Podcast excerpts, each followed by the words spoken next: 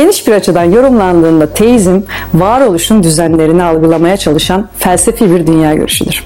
Fiziksel şeylerin, organizmaların ve insanların varlıkları ve devamlılıkları için kendi kendine var olan ve ibadete layık olan tek bir tanrıya bağımlı olmaları gibi düşünülebilir. Başka bir deyişle teizm tüm sınırlı ve sonlu şeylerin bir şekilde tek bir yüce veya nihai gerçekliğe, hakikate bağlı olduğunu düşünen felsefi görüştür. Yahudilikte, Hristiyanlıkta ve İslam'da bu nihai gerçekliğe Tanrı denir. Teistlerin kendi aralarında Tanrı'nın doğası ve bu düzenlerde olan ilişkisi konusunda farklılıklar gösterdiğini belirtmek gerekir.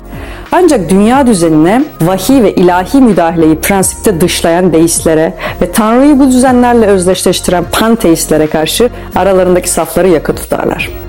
Teistler düzenlerin aşkın yaratıcısı olan Tanrı'nın bu düzenleri kapasitelerine ve kendisinin nihai amaçlarına uygun olarak sürdürdüğü için bölünmez bir birlik olarak devam ettiğine inanır. Felsefi teistler görüşlerini formüle ederken insanın doğruyu, iyiyi, güzeli ve kutsalı aramasını engelleyen birçok engeli akıllarında tutarlar. İnsan algısı arttıkça yok olmaya yüz tutan gizemlerde olmanın nihai gizemini göz önünde bulundururlar varlığın gizemine dair son sözün kavrayışlarının ötesinde olduğunun bilincinde olarak hakikatin kendileriyle olan ilişkisine ve varlıklarının niteliğine dair en iyi ipuçlarının peşine düşerler. Teizm ve monizm tarihinde ilahi olanın en özgün deneyimlerinin doğrudan olanlar olduğu neredeyse değişmez bir şekilde söylenir.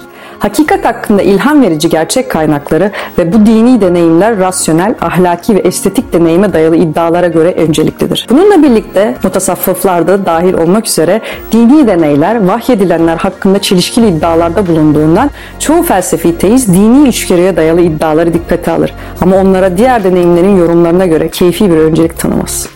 Genel olarak konuşursak teistik düşüncedeki eğilim Tanrı'nın doğasını ve onun aşkınlığını ve içkinliğini iletmek için gerekli olan niteliklere ilişkin kavrayışı geliştirmeye yöneliktir. İzlediğiniz için teşekkürler.